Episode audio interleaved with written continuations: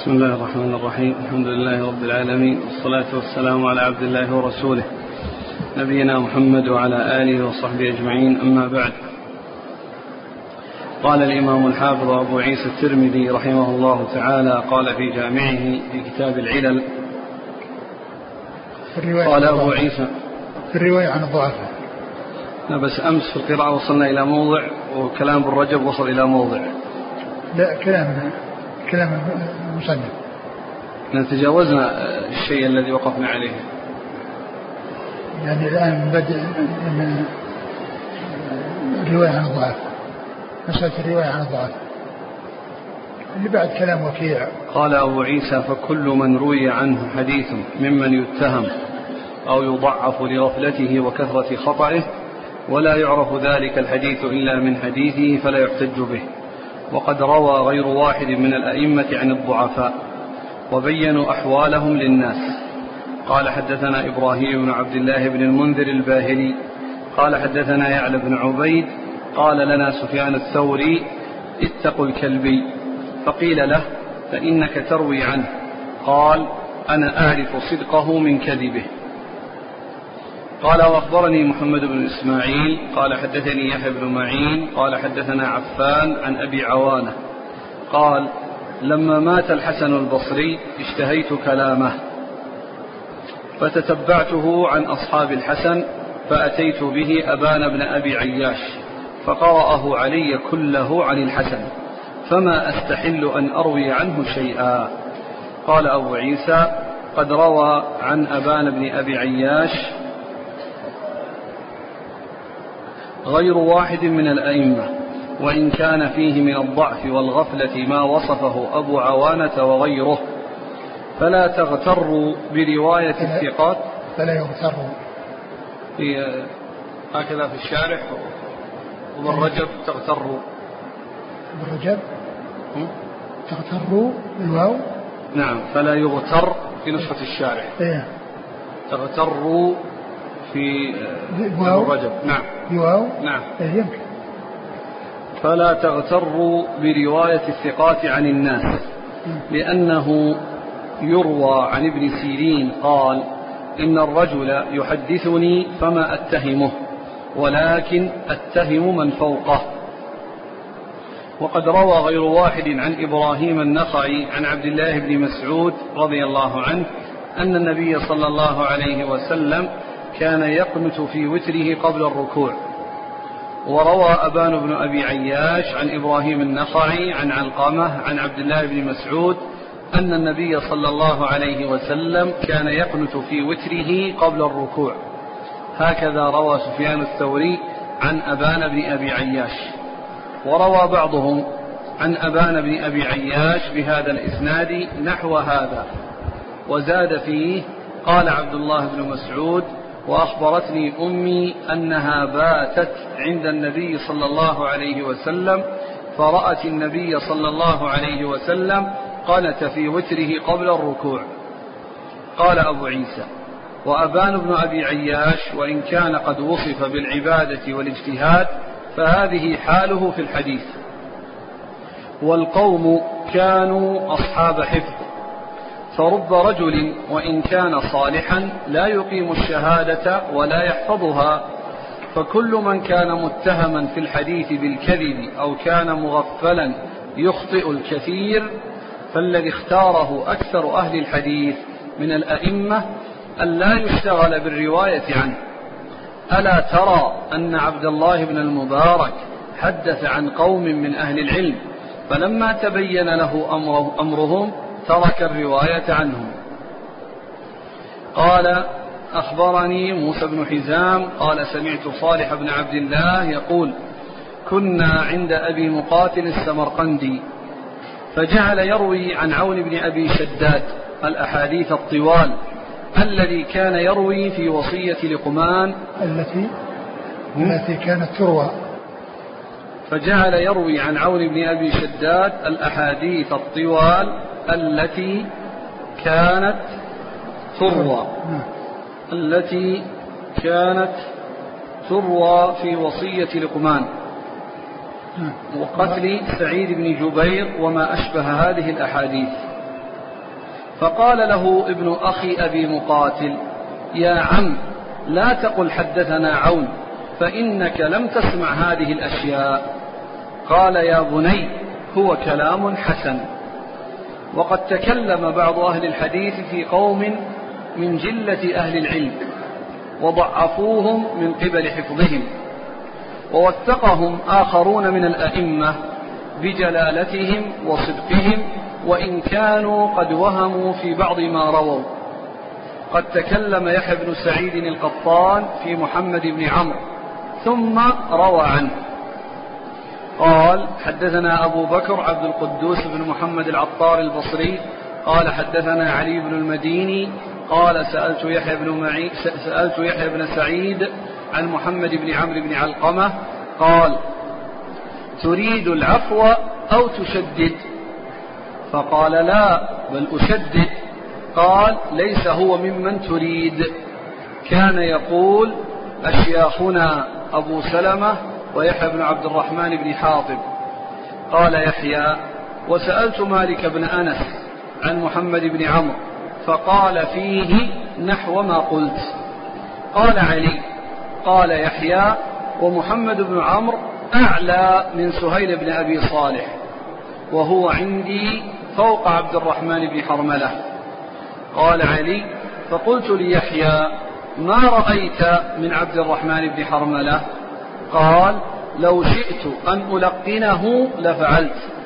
قلت كان يلقن؟ قال نعم.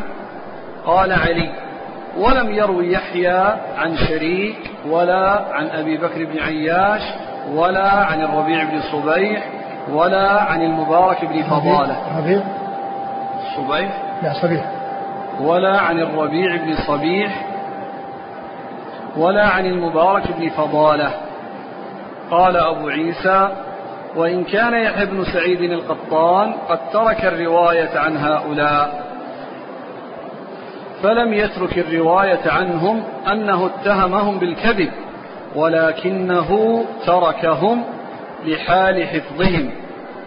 ذكر عن يحيى بن سعيد أنه كان إذا رأى الرجل يحدث عن حفظه مرة هكذا ومرة هكذا لا يثبت على رواية واحدة تركه.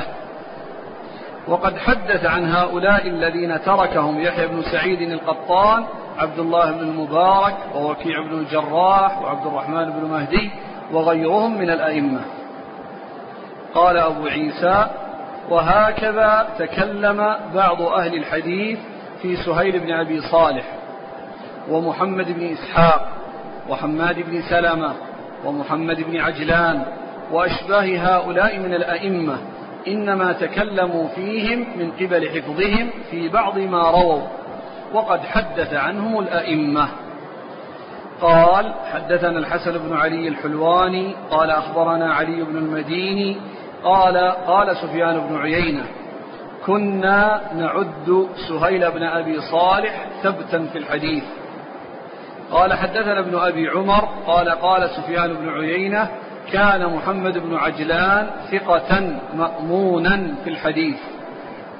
قال أبو عيسى وإنما تكلم يحيى بن سعيد القطان عندنا في رواية محمد بن عجلان عن سعيد المقبري قال أخبرنا أبو بكر عن علي بن عبد الله قال قال يحيى بن سعيد قال محمد بن عجلان أحاديث سعيد المقبري بعضها سعيد عن أبي هريرة وبعضها سعيد عن رجل عن أبي هريرة فاختلطت علي فصيرتها عن سعيد عن أبي هريرة. فإنما تكلم يحيى بن سعيد عندنا في ابن عجلان لهذا وقد روى يحيى عن ابن عجلان الكثير. قال أبو عيسى وهكذا من تكلم في ابن أبي ليلى. إنما تكلم فيه من قبل حفظه. قال علي. قال يحيى بن سعيد القطان روى شعبة عن ابن أبي ليلى عن أخيه عيسى عن عبد الرحمن بن أبي ليلى عن أبي أيوب رضي الله عنه. عن النبي صلى الله عليه وآله وسلم في العطاس. قال يحيى ثم لقيت ابن أبي ليلى. فحدثنا عن أخيه عيسى عن عبد الرحمن بن أبي ليلى عن علي رضي الله عنه عن النبي صلى الله عليه وسلم. قال أبو عيسى ويروى عن ابن أبي ليلى نحو هذا غير شيء. كان يروي شيئا مرة هكذا ومرة هكذا. يعني الإسناد وإنما جاء هذا من قبل حفظه. وأكثر من مضى من أهل العلم كانوا لا يكتبون ومن كتب منهم إنما يكتب لهم بعد السماع. وسمعت أحمد بن الحسن يقول سمعت أحمد بن حنبل يقول ابن أبي ليلى لا يحتج به.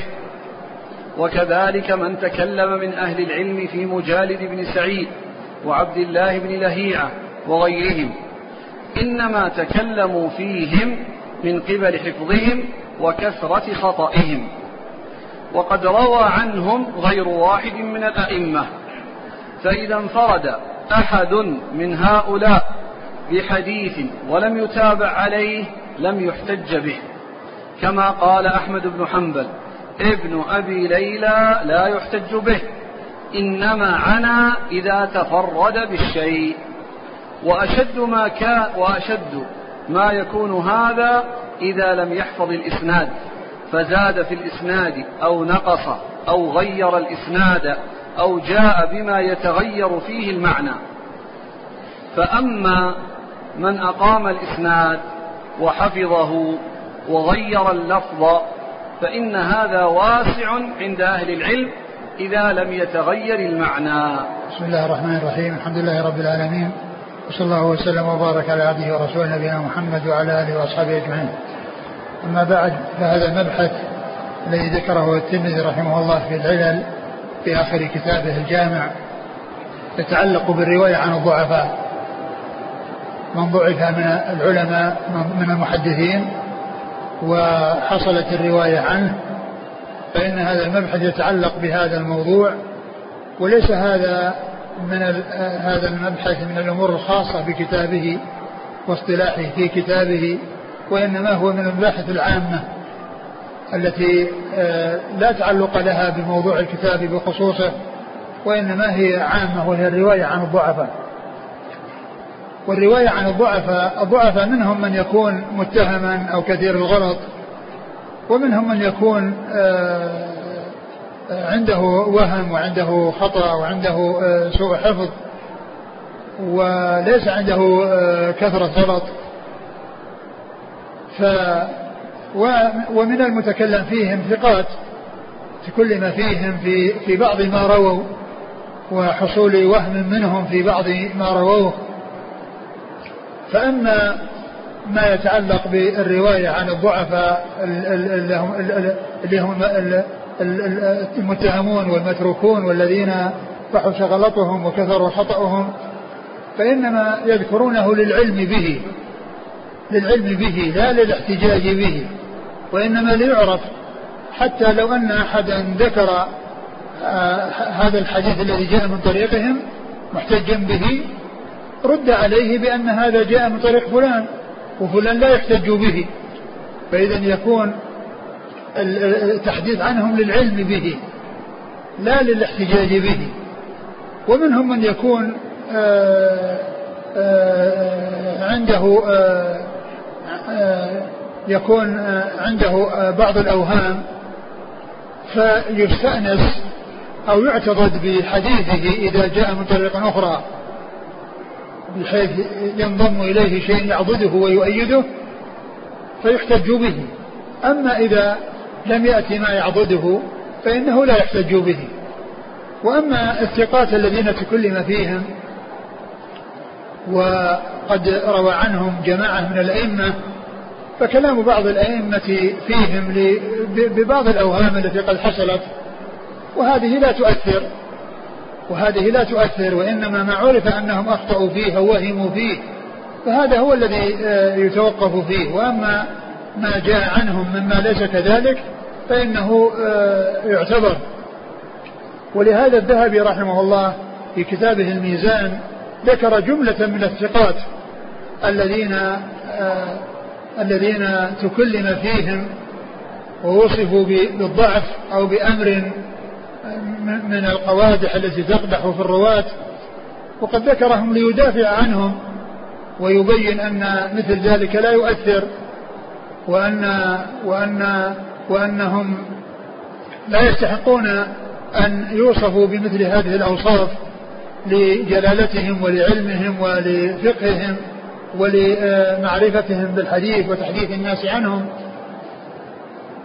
وعلى هذا فإن آه، رواية العلماء عن الضعفاء آه، تنقسم إلى أقسام منها ما يكون ليعلم فقط وليرد على من احتج به ويقال هذا لا يحتج به لأنه جاء من طريق لا تعتبر ولا يعول عليها أو لأنه يستأنس به ويعتضد به فيكون من قبيل الحسن لغيره إذا ضم يعني الضعف الخفيف والضعف اليسير الذي في ضعف يسير إلى مثله فإنه يتقوى ويعتضد وينجبر ويصير من قبيل المتوقف فيه انتقل من كونه متوقفا فيه إلى كونه حسنا لغيره. وأما ما كان عن الثقات مما حصل منهم وهم أو بعض الأوهام فما كان منهم في الذي وهموا فيه هذا هو الذي يتوقف فيه. وأما غير ذلك فإنه يعول على ما جاء عنهم ويعتمد على ما جاء عنهم. ثم إن العلماء يروون عن الضعفاء ومنهم من يروي ويبين مثل ما يفعل الترمذي رحمه الله فإنه يسوق الإسناد وفيه رجل ضعيف ثم يتكلم فيه ويقال ليس بالقوي وفيه, وفيه فلان ليس بالقوي أو فلان يضعف فإذا يسوق الإسناد ويشير إلى ضعفه. ومنهم من يسوق الإسناد والمتن ولا يشير إلى الضعف ولا يشير إلى الضعف. و وهذا يفعله بعض أهل العلم من أجل آه، إثبات الحديث بمجيئه بإسناد بالإسناد والمتن ثم يقول أنه يبرأ من عهدته بكونه ذكر الإسناد والمتن ومن عنده خبرة في الحديث وفي رجال الحديث يستطيع أن يتوصل إلى صحته أو عدم صحته لأن لأن مثل هؤلاء ما التزموا صحة. وإنما يأتون بما آآ آآ رووه من الأحاديث مما كان صحيحا أو ضعيفا.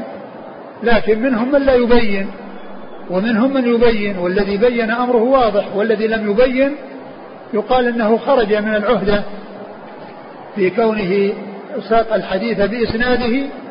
وفيه من هو مضعف فأهل الخبرة وأهل المعرفة يستطيعون أن يعرفوا الصحيح من الضعيف وذلك بمعرفة حال الإسناد ورجال الإسناد وأن أنهم كلهم ثقات أو أن فيهم من هو ضعيف. فلا يحتج بحديثه لا يحتج بحديثه لكونه متهما أو لكونه كثير الخطأ أو لا يحتج بحديثه إذا انفرد ولكنه إذا ضم إلى غيره يتقوى به. إذا ضم إلى غيره يتقوى به. وهذه طريقة لبعض أهل العلم. ذكرها الحافظ ابن, ابن, ابن حجر في كتابه لسان الميزان. قال إن كثير من العلماء بعد المئتين يرون أنهم إذا ساقوا الحديث بإسناده على ما يعني آه، آه، وصل إليهم يعتقدون أنهم برئوا من عهدته. برئوا من عهدته لأن من عنده خبرة ومن عنده معرفة يستطيع أن يصل إلى آه، صحة الحديث عدم صحته بوجود الإسناد. وإنما الإشكال إذا جاء الشيء بدون إسناد. هذا هو الذي ليس هناك شيء مادة يبنى عليها وأساس يبنى عليه وهو الرجال الذين هم إسناد الحديث. فيعرف من يكون ثقة ومن يكون ضعيفا ومن يكون حديثه مقبولا ومن يكون حديثه غير مقبول. قد ذكر ذلك الحافظ بن حجر رحمه الله في كتابه آه، لسان الميزان في ترجمة الطبراني. وهذه هي كلمة الحافظ حول هذا الموضوع. قال الحافظ ابن حجر في لسان الميزان في آخر ترجمة سليمان بن أحمد الطبراني المجلد الثالث 75 وقد عاب عليه إسماعيل بن محمد بن الفضل أصابها البلل. المخطوطة أصابها البلل كلها؟ لا مو كلها. طيب. جمعه آه، قد قد عاب عليه إسماعيل بن محمد بن الفضل. جمعه. جمعه الأحاديث بالأفراد مع ما فيها من النكارة. يعني الأفراد الغرائب. أيوة. مع ما فيها من النكارة الشديدة والموضوعات. وفي بعضها القدح في كثير من القدماء من الصحابة وغيرهم. وهذا أمر لا يختص به الطبراني. فلا معنى لإفراده اليوم كذا ولعلها باللوم. بل أكثر المحدثين في الأعصار الماضية من سنة مئتين وهلم جرا إذا ساقوا الحديث بإسناده اعتقدوا أنهم برئوا من عهدته. والله أعلم. يعني هذه الجملة الأخيرة هذه التي قالها وهي أن أكثر العلماء بعد المئتين إذا ساقوا الإسناد أو ساقوا الحديث بإسناده اعتقدوا أنهم برئوا من عهدته لأنهم جعلوا أمام الباحث وأمام الناظر آه، آه، الإسناد الذي ينظر في رجاله ويتوصل بعد ذلك إلى صحته أو ضعفه. يتوصل بعد ذلك إلى صحته أو ضعفه. فإذا يعني هذا شأن بعض أهل العلم كما قال الحافظ أنهم يكتفون بكونهم يسوقون الإسناد. يسوقون الإسناد ويبرؤون ويعتقدون أنهم برئوا من عادته في في في في في, في كونهم ساقوا الإسناد. إلى الحديث الذي أوردوه ويتبين للناظر فيه والمتمكن من هذا العلم معرفة كونه صحيحا أو ضعيفا وذلك بمعرفة أحوال رجاله. نعم نقرأ نعيد الكلام الأولى كلام شوف قبل ذلك يعني الكلام الذي الذي فيه كلام وكيع في في جابر الجعفي وحماد بن أبي سليمان. قبل ذلك بقليل الترمذي كلام الترمذي قال حدثنا أحمد بن غيلان قال حدثنا أبو يحيى الحماني سمعت أبا حنيفة يقول ما رأيت أحدا أكذب من جابر الجعفي. ولا أفضل من عطاء بن أبي رباح. نعم. وسمعت الجارود يقول سمعت وكيعا يقول لولا جابر الجعفي لكان أهل الكوفة بغير حديث. يعني الكلام الأول يعني ذم شديد وهذا مدح شديد الذي هو كلام وكيع. وكذلك قوله يعني لولا حماد بقي أبقوا بدون بدون فقه. وهذا كما ذكرت في الدرس الماضي أن هذا غير مسلم لأن لأن الكوفة فيها محدثون وفيها يعني من أهل الحديث ما فيها وهذا فيه كلام الذي هو جابر الجعفي فأحاديثه لا يحتج بها. وأما وفي آه، حماد بن أبي سليمان فإن في آه، في الكوفة إبراهيم النخعي. إبراهيم النخعي إبراهيم وهو إمام في الفقه وهو الذي ذكر ابن القيم في كتابه زاد المعاد أنه أول من عبر بعبارة العبارة التي يذكرها الفقهاء وهي أن ما لا نفس له سائلة لا ينجس الماء إذا مات فيه قال إنه أول من عبر بهذا بهذه العبارة وتبعه على ذلك على ذلك عليها الفقهاء. فكانوا يعبرون بهذه العبارة.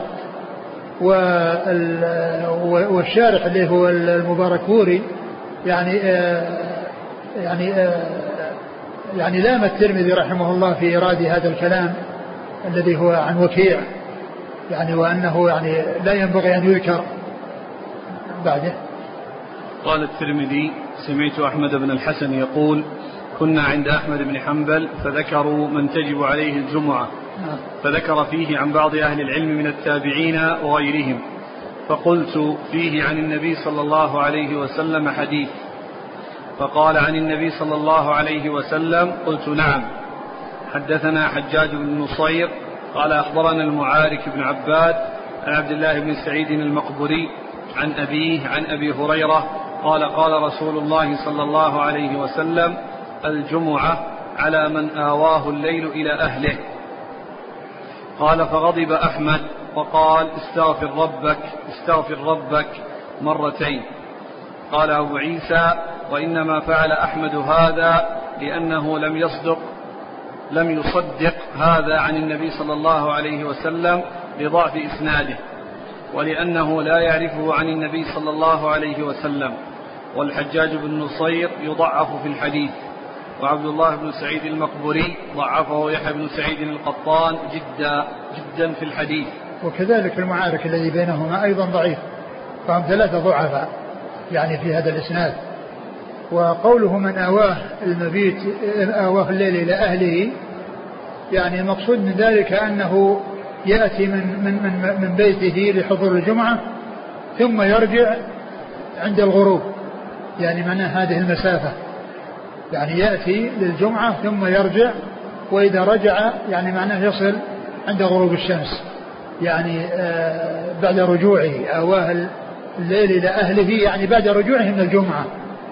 ويعني أكثر أهل العلم على أن هذا لا يعتبر وإنما يعتبر يعني كونه يسمع الأذان كما يقال بالنسبة للصلوات الخمس. والترمذي رحمه الله ذكر هذا الحديث في آه، في نفس في كتاب الجمعة وهو في رقم 501 شوف 501 من الترمذي. قال حدثنا عبد بن حميد ومحمد بن مدوية. قال حدثنا الفضل بن دكين. قال حدثنا إسرائيل عن ثوير عن رجل من أهل قباء عن أبيه وكان من أصحاب النبي صلى الله عليه وسلم. قال أمرنا النبي صلى الله عليه وسلم أن نشهد الجمعة من قباء. وقد روي عن أبي هريرة عن النبي صلى الله عليه وسلم في هذا ولا يصح. هذا حديث لا نعرفه إلا من هذا الوجه ولا يصح في هذا الباب عن النبي صلى الله عليه وسلم شيء. وقد روي عن أبي هريرة عن النبي صلى الله عليه وسلم أنه قال الجمعة على من آواه الليل إلى أهله. وهذا حديث إسناده ضعيف إنما يروى من حديث معارك بن عباد عن عبد الله بن سعيد المقبري وضعف يحيى بن سعيد القطان عبد الله بن سعيد المقبري في الحديث واختلف أهل العلم على من تجب الجمعة فقال بعضهم تجب الجمعة على من آواه الليل إلى منزله وقال بعضهم لا تجب الجمعة إلا على من سمع الندى وهو قول الشافعي وأحمد وإسحاق نعم قال نعم. سمعت أحمد بن الحسن يقول كنا عند أحمد بن حنبل فذكروا على من تجب الجمعة فلم يذكر أحمد فيه عن النبي صلى الله عليه وسلم شيئا. قال أحمد بن الحسن فقلت لأحمد بن حنبل فيه عن أبي هريرة عن النبي صلى الله عليه وسلم. فقال أحمد عن النبي صلى الله عليه وسلم؟ قلت نعم. قال أحمد بن الحسن حدثنا حجاج بن نصير قال حدثنا معارك بن عباد عن عبد الله بن سعيد المقبري عن أبيه عن أبي هريرة عن النبي صلى الله عليه وسلم قال الجمعة على من آواه الليل إلى أهله. قال فغضب علي أحمد وقال استغفر ربك استغفر ربك. إنما فعل أحمد بن حنبل هذا لأنه لم يعد هذا الحديث شيئا وضعفه لحال إسناده. حال إسناده ثلاثة من الضعفاء فيه الحجاج بن نصير والمعارك بن عباد وعبد الله بن بن سعيد النبي سعيد المقبري. فهؤلاء كلهم ضعفاء. فالحديث يعني غير صحيح ولهذا استنكره الإمام أحمد وقال لمن آه، استدل به استغفر ربك استغفر ربك. يعني لكونه غير ثابت ولكونه آه، آه، اسناده فيه ثلاثة من الضعفاء هم على ولا يروي بعضهم عن بعض. نعم. قال الترمذي فكل من روي عنه حديث ممن يتهم أو يضعف لغفلته أو لكثرة خطئه ولا يعرف ذلك الحديث إلا من حديثه فلا يحتج به. إذا كان إذا كان الشخص متهما فإنه لا يحتج بحديثه ولا يلتفت إلى روايته ما دام أنه متهم بالكذب ولا يعول على ما يجيء منه إلا لبيان حاله. وبيان كونه آه كونه آه متهما وأن راويه متهما. ولكنه إذا جاء من طريق وضاع ولكنه ثابت عن رسول الله صلى الله عليه وسلم من طرق صحيحة فإن التعويل على الصحيحة ويذكر ما صح ويبين آه، آه، بطلان الرواية التي جاءت عن طريق من هو متهم ومن هو كذاب. وإنما ال يعني ال من كان متهما فإنه لا تقبل روايته. وأما من كان فيه ضعف أو فيه غفلة و و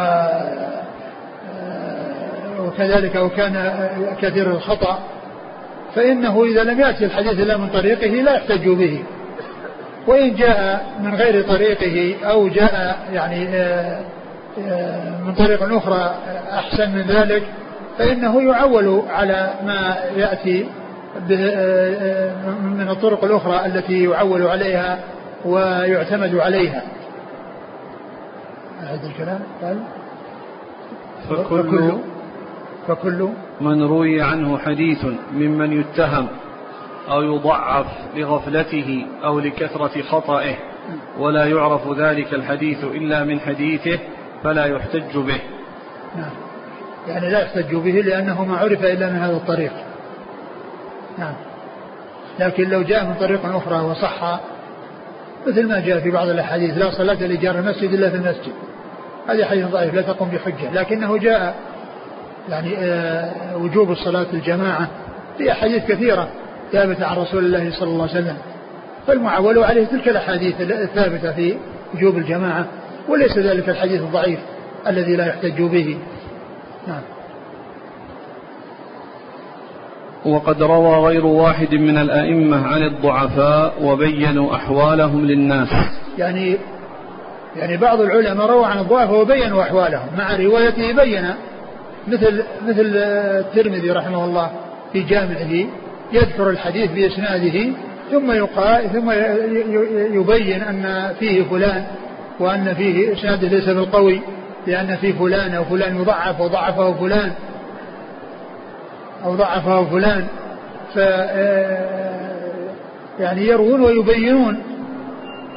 يروون ويبينون. ومنهم من يروي ولا يبين اكتفاء بأنه ساق الإسناد مثل ما ذكر الحافظ عن العلماء بعد المئتين أنهم يعتبرون يعتقدون أنهم آه، برئوا من العهدة بكونهم يسوقون الإسناد.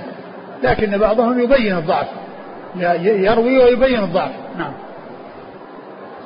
قال حدثنا إبراهيم بن عبد الله بن المنذر الباهلي قال حدثنا يعلى بن عبيد قال قال لنا سفيان الثوري اتقوا الكلبي.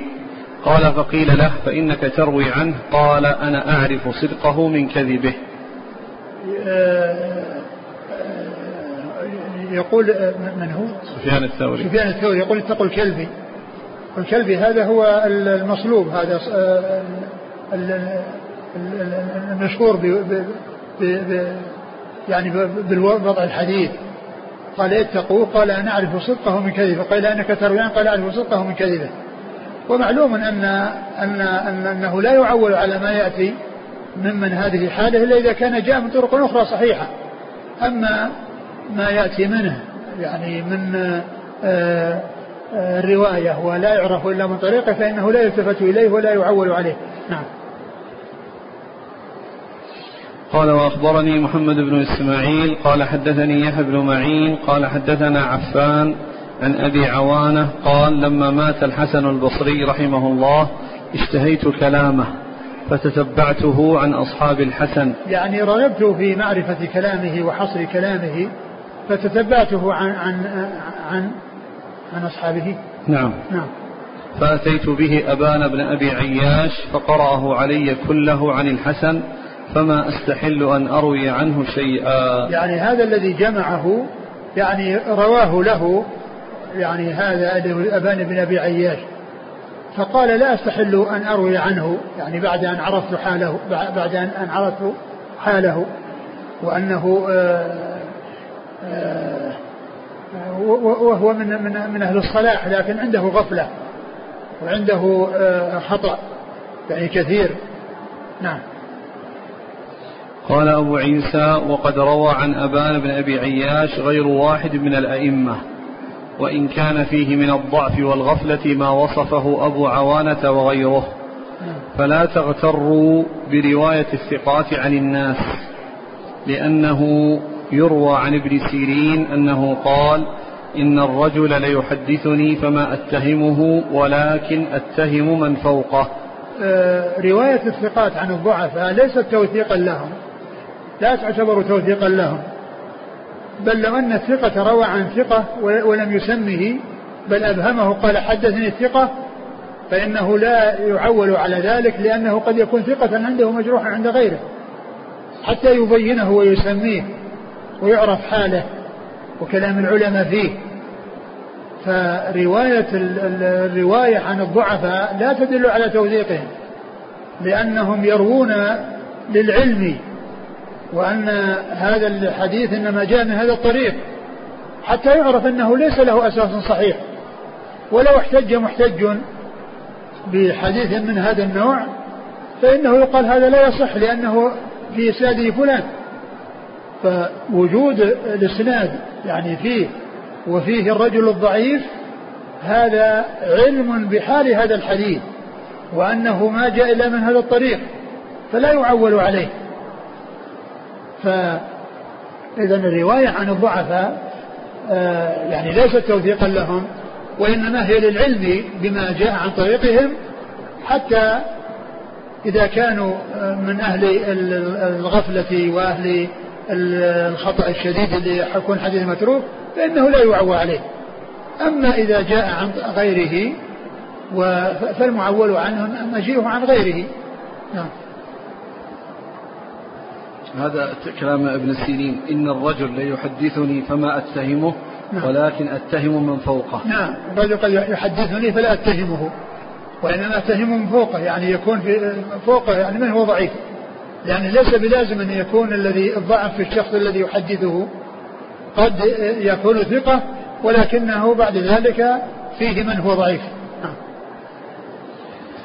وقد روى غير واحد عن إبراهيم النخعي أن عبد الله بن مسعود كان يقنت في وتره قبل الركوع. وروى أبان بن أبي عياش عن إبراهيم النخعي عن علقمة عن عبد الله بن مسعود أن النبي صلى الله عليه وسلم كان يقنت في وتره قبل الركوع.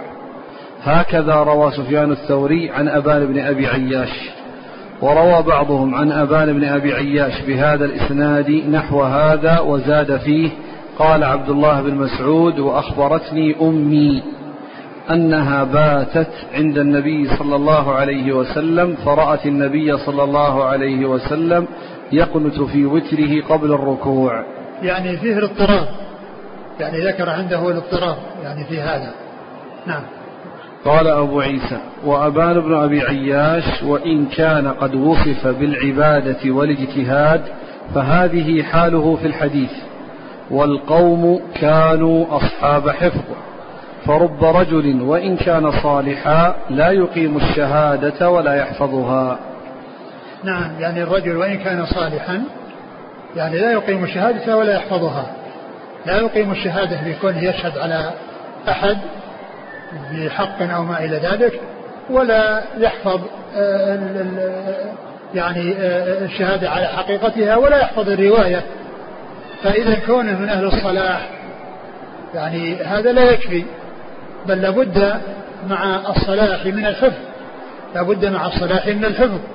لابد مع كونه صالحا وكونه من العباد أن يكون حافظا وأن يكون من أهل الضبط والإتقان حتى يعول على ما يجي عنه. أما مجرد صلاحه فإنه لا يكفي لأن من هو من أهل الصلاح؟ من يكون عنده غفلة غفلة شديدة وعنده خطأ كثير ولا يقيم الأحاديث بل ولا يقيم الشهادة كما قال الترمذي. قال إيش؟ وكم من رجل وإن كان صالحا نعم. لا يقيم الشهادة ولا يحفظها نعم.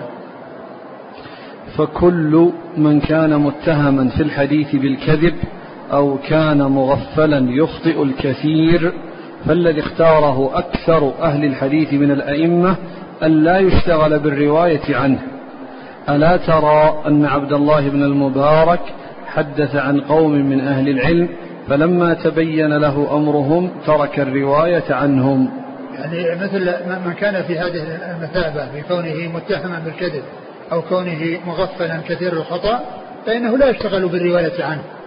لا يشتغل بالرواية عنه وإثبات الحديث عن طريقه إلا عن طريق العلم. يعني كونه يعلم أن أن هذا ما جاء إلا من طريقه فإذا لا عبرة به ولا يعول عليه. ولو احتج محتج به لا رد عليه بأن هذا لا يعتبر ولا يعول عليه لأن في إسناده من هو آه، في آه، موصوف بالضعف الذي لا تصح آه، لا, تقبل رواية من أتى عن طريقه ممن هذا وصفه بكونه كثير الخطأ وكون حديثه وكونه متروكا لا لا يعول على حديثه.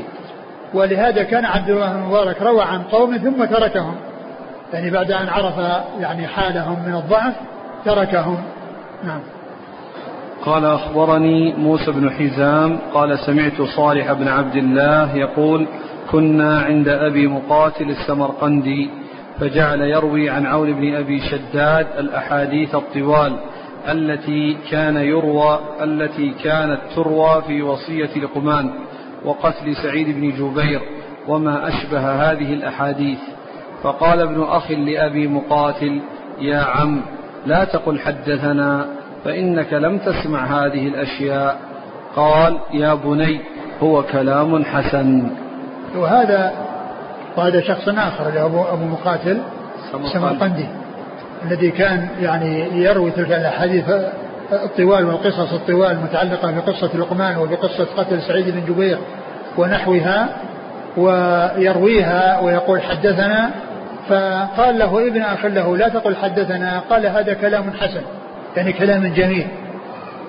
فهذا يدل على يعني آه على أن أن أن أن أن أنه يعجبه الكلام فلا يبالي في أن يرويه وأن يأتي به آه آه وهو وهو ليس يعني لم يثبت بإسناد صحيح أو لم يسمعه هو وإنما حكايات تحكى قال كلام جميل وهذا لا يكفي لأن من الوضاعين من من يضعون من أجل آه، الترغيب والترهيب كما كما ذكر في مباحث الترغيب والترهيب في مباحث الوضع من العلماء من من الرواة من من, من يكذب على الرسول صلى الله عليه وسلم من أجل الترغيب والترهيب. وإذا قيل لهم آه، آه، في ذلك من كذب علي متعمدا قالوا نحن نكذب له ولا نكذب عليه. نكذب له ولا نكذب عليه. وهذا كلام في غاية البطلان. لأن الرسول لأن الشريعة كاملة لا تحتاج إلى إلى إضافة. ولا تحتاج إلى أن يضاف إليها شيء بالكذب. من أجل ترغيب الناس. يكفي الناس ما في القرآن والسنة من الزواجر والقوارع التي آه، فيه آه، فيهما. فلا يحتاج إلى أن يوضع يعني لها. الحاصل أن بعض الناس إذا رأى كلاما جميلا ركب له إسنادا. ركب له إسنادا أو أتى بشيء له بإسناد وهو غير صحيح. نعم وسمعت الجارود يقول كنا عند أبي معاوية فذكر له حديث أبي مقاتل عن سفيان الثوري عن الأعمش عن أبي ظبيان. قال سئل علي عن كور الزنابير قال لا بأس به هو بمنزلة صيد البحر. فقال أبو معاوية ما أقول إن صاحبكم كذاب ولكن هذا الحديث كذب. نعم وهذا أيضا يعني آه، في كور الزنابير الزنابير هي يعني آه، دواب تلسع وقال إنها من, من إنها من البحر يعني معناها أنه يجوز أكلها.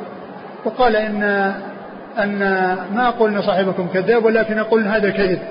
يعني ما قاله رسول الله صلى الله عليه وسلم. نعم. قال أبو عيسى وقد تكلم بعض أهل الحديث في قوم من جلة أهل, أهل العلم وضعفوهم من قبل حفظهم ووثقهم آخرون لجلالتهم وصدقهم وإن كانوا قد وهموا في بعض ما رووا. وقد تكلم يحيى بن سعيد القطان في محمد بن عمرو. يعني هذا الكلام في أناس تكلم فيهم بعض أهل العلم وهم من, من, من أجلة العلماء من أجل المحدثين لبعض الأوهام التي وهموها فيها. وروى عنهم فبعضهم لم يروي عنهم لأنهم حصل منهم بعض الوهم.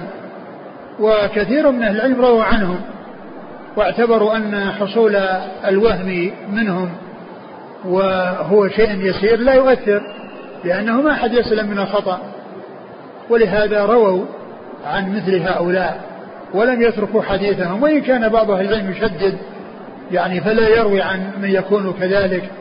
لكن مثل هذا النوع من العلماء الذين هم ثقات أو أو أن العلماء قبلوا حديثهم من العلماء من يشدد فلا يأخذ بحديثهم أو لا يروي عنهم. وهؤلاء يحتج بحديثهم. ويقبل حديثهم ويعول على ما يأتي منهم ولا يسلم من الخطأ. وهذا وهذا النوع هم الذين ذكرهم الذهبي في لسان في كتابه الميزان ودافع عنهم. ودافع عنهم مثل ما ذكر في ترجمة علي بن مديني من العقيل ذكره في كتاب الضعفاء. تكلم فيه قال أما لك عقل يا عقيلي؟ هذا علي بن مديني تقول فيه كذا وكذا وكذلك في ترجمة عبد الرحمن بن أبي حاتم الإمام ابن الإمام قال أورده أبو الفضل السليماني في كتابه الضعفاء فبئس ما صنع. أورده أبو الفضل السليماني في كتابه الضعفاء فبئس ما صنع. ولعله إنما ذكره فيه من أجل أنه كان يفضل عليا على عثمان. وهذه مسألة يعني عند أهل العلم لا تقتضي القدح في من يكون كذلك. فإن بعض أهل العلم يرون تقديم علي على عثمان بالفضل وإن كان يعني أنه أولى منه بالخلافة لأنه يجوز أن يولى الفاضل مع المفضول مع وجود الفاضل. فكونه, فكونه آه، خليفة آه، بعد آه، عمر أو وهو أولى من علي هذا هو الذي اتفق عليه الصحابة. ولهذا قال من قدم بعض العلماء من قدم عليا على عثمان فقد أزرى بالمهاجرين والأنصار. لكن فيما يتعلق بالفضل وليس في الخلافة بعض أهل العلم قال بذلك ومنهم عبد الرحمن بن أبي حاتم. قالوا هذا لا يؤثر ولا يقتضي أن يوضع في كتاب الضعفاء. لأن بعض العلماء يضعف الثقة يعني بشيء لا يعتبر مضعفا. لا يعتبر آه، مضعفا. إيش قال؟ يعني هذا يعني الكلام في هؤلاء هو من هذا القبيل. فنشوف كلام كلام المبارك فوري على على ما تقدم عند عند ذكر كلام وكيع. وكيع؟ وكيع في ها؟ في في جابر الجعفي وحماد بن أبي سليمان. حماد بن ابي سليمان؟ ما؟ كلام وكيع. ما وجدته؟ هذه المو ها؟ هو لما ذكر الكلام المتقدم كان كان ساقط كيف؟ أقول لكن إذا كانت غير موطنها الذي قرأنا منه. اللي موطن اللي قرأنا منه عند الشارح لا يوجد هذا الكلام. لا يوجد. في المتن لا يعني كلام الشارح. في المتن ما هو موجود كلام أبي حنيفة وهذا؟ لا كلام كلام في وكيع. أقول في وكيع يعني قول أن هذا لا يصح وأن هذا أين إبراهيم النخعي وأين فلان وأين فلان؟ هذا كلام من عندك. طيب اللي بدأنا منه عندك موجود؟ اللي بدأنا منه وكله؟ لأنه قبل هذا بقليل. قبل الذي بدأنا منه في الرواية عن الضعفاء. إذا ما وجدته أقرأ من من ابن رجب صفحة 87 قال المسألة الثانية الرواية عن الضعفاء من أهل التهمة بالكذب والغفلة وكثرة الخطأ. وقد ذكر الترمذي للعلماء في ذلك قولين. أحدهما جواز الرواية عنهم. حكاه عن سفيان الثوري. لكن كلامه في روايته عن الكلب يدل على أنه لم يكن يحدث إلا بما يعرف أنه صدق. والثاني الامتناع من ذلك. ذكره عن أبي عوانة بن المبارك وكحكاه الترمذي عن أكثر أهل الحديث من الأئمة. وقد ذكر الحاكم المذهب الأول عن مالك والشافعي وأبي حنيفة. واعتمد في حكايته عن مالك على روايته على عبد الكريم على عبد الكريم أبي أمية. ولكن قد ذكرنا عذره في روايته عنه وفي حكايته عن الشافعي على روايته عن إبراهيم بن أبي يحيى وأبي داود سليمان بن عمرو النخعي وغيرهما من المجروحين. وفي حكايته عن أبي حنيفة على روايته عن جابر الجعفي وأبي العطوف الجزري. قال وحدث أبو يوسف ومحمد بن الحسن عن الحسن بن عمارة وعبد الله بن محرر وغير وغيرهما من المجروحين. قال وكذلك من بعدهم من أئمة المسلمين قرنا بعد قرن وعصرا بعد عصر إلى عصرنا هذا. لم يخل حديث لم يخل حديث إمام من أئمة الفريقين عن مطعون فيه من المحدثين. وللأئمة في ذلك غرض ظاهر وهو أن يعرفوا الحديث من أين مخرجه. يعني هذا هو الرواية عن هؤلاء المتروكين والمغفلين والذين عندهم كذا خطأ يعرف مخرج الحديث ويعلم بحيث لو احتج محتج به فإنه يبين فساد الاحتجاج لكونه جاء من طريق من هو متهم أو متروك. فالاحتجاج ليس في محله. يعني هذا هو غرض المحدثين من الرواية عن هؤلاء ومن ذكر أحاديث هؤلاء. إيش قال؟ يعني العبارة هذه. أن يعرفوا الحديث من أين مخرجه. نعم. والمنفرد به عدل أو مجروح. نعم. ثم روى بإسناده عن الأثرم قال رأى أحمد بن حنبل يحيى بن معين بصنعاء يكتب صحيفة معمر عن أبان عن أنس فإذا اطلع عليه إنسان كتمه فقال له أحمد تكتب صحيفة معمر عن أبان وتعلم أنها موضوعة فلو قال لك قائل أنت, تك أنت تتكلم في أبان ثم تكتب حديثه على الوجه فقال رحمك الله يا أبا عبد الله أكتب هذه الصحيفة عن عبد الرزاق عن معمر على الوجه فأحفظها كلها وأعلم أنها موضوعة. حتى لا يجيء بعده إنسان فيجعل بدل أبان ثابتا ويرويها عن معمر عن ثابت عن أنس فأقول له كذبت. إنما هي عن معمر عن أبان لا عن ثابت. وذلك هو يعني معناه العلم بمخرج الحديث والأساس الذي يعني جاء من طريقه وأنه غير معتبر. ولو احتج محتج فإنه يرد عليه احتجاجه بالحديث. ولو أنه أيضا غير في الاسم وأبدل مثل أبان بثابت وهما يروون عن أنس فإنه يقال أن هذا غير صحيح لأن ثابت ما روى هذا وإنما رواه أبان ولم يروه ثابت. فإذا آه، مقصودهم من الرواية عن عن المتهمين وعن الذين ضعفوا بكونهم متروكون بكثرة الخطأ كونهم متروكين لكثرة الخطأ من أجل العلم ومعرفة المخرج حتى يرد على من يحتج بمثل ذلك. ولو لم يبحث عنه ولو لم يعرف فإنه إذا ذكر لإنسان ما يكون عنده الجواب. لكن من عرف ذلك عنده الجواب كما قال يعني هنا. نعم. وذكر أيضا من طريق أحمد بن علي الأبار قال قال يحيى بن معين كتبنا عن الكذابين وسجرنا بها التنور وأخرجنا به خبزا نضيجا. يعني معنى ذلك أننا يعني ما كتبنا كتبنا لنعتمد عليها ولنعول عليها وإنما لنعلم لنكون على علم بها ثم نسجر بها التنور وننضج بها الخبز. نعم. تكون وقودا. وخرج العقيلي من طريق أبي غسان قال جاءني علي بن المديني فكتب عني عن عبد السلام بن حرب. أحاديث إسحاق بن أبي فروة فقلت أي شيء تصنع بها؟ قال أعرفها حتى لا تقلب. نعم هذا هو هذا مثل مثل ما تقدم عن عن يعني الذي قال بدل أبان ثابت.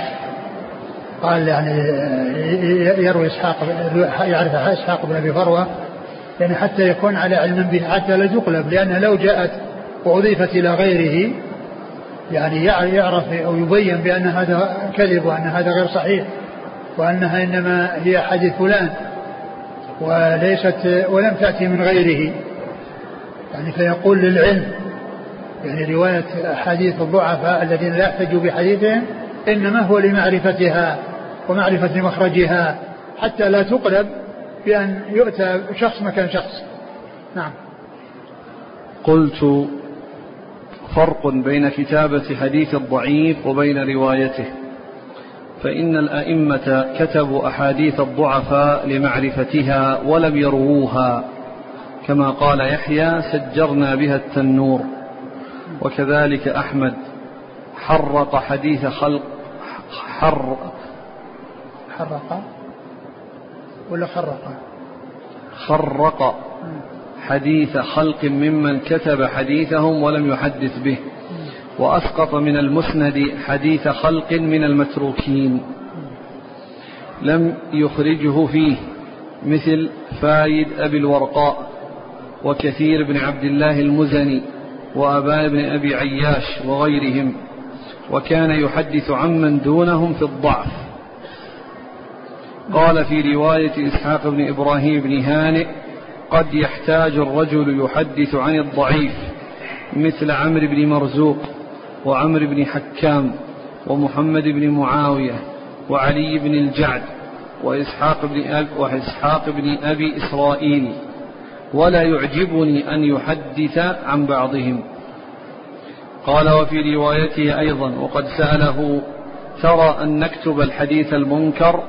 قال المنكر أبدا منكر. قيل له فالضعفاء قال قد يحتاج إليهم في وقت كأنه لم ير بالكتابة عنهم بأسا. وقال يعني, يعني معناها يحتاج إليها في وقت يعني آه لبيان يعني آه أنه لو احتج محتج بحديثهم فإنه يبين بأنه إنما جاء من طريق فلان فلا يحتج به. نعم. وقال في رواية ابن القاسم ابن لهيعة ما كان حديثه بذاك وما أكتب حديثه إلا للاعتبار والاستدلال. إنما قد أكتب حديث الرجل كأني أستدل به مع حديث غيره يشده لا أنه حجة إذا انفرد. نعم وهذا وهذا من أيضا من أنواع من أنواع الضعفاء أن فيهم من يعتقد به ولا ولا يعول عليه إذا انفرد.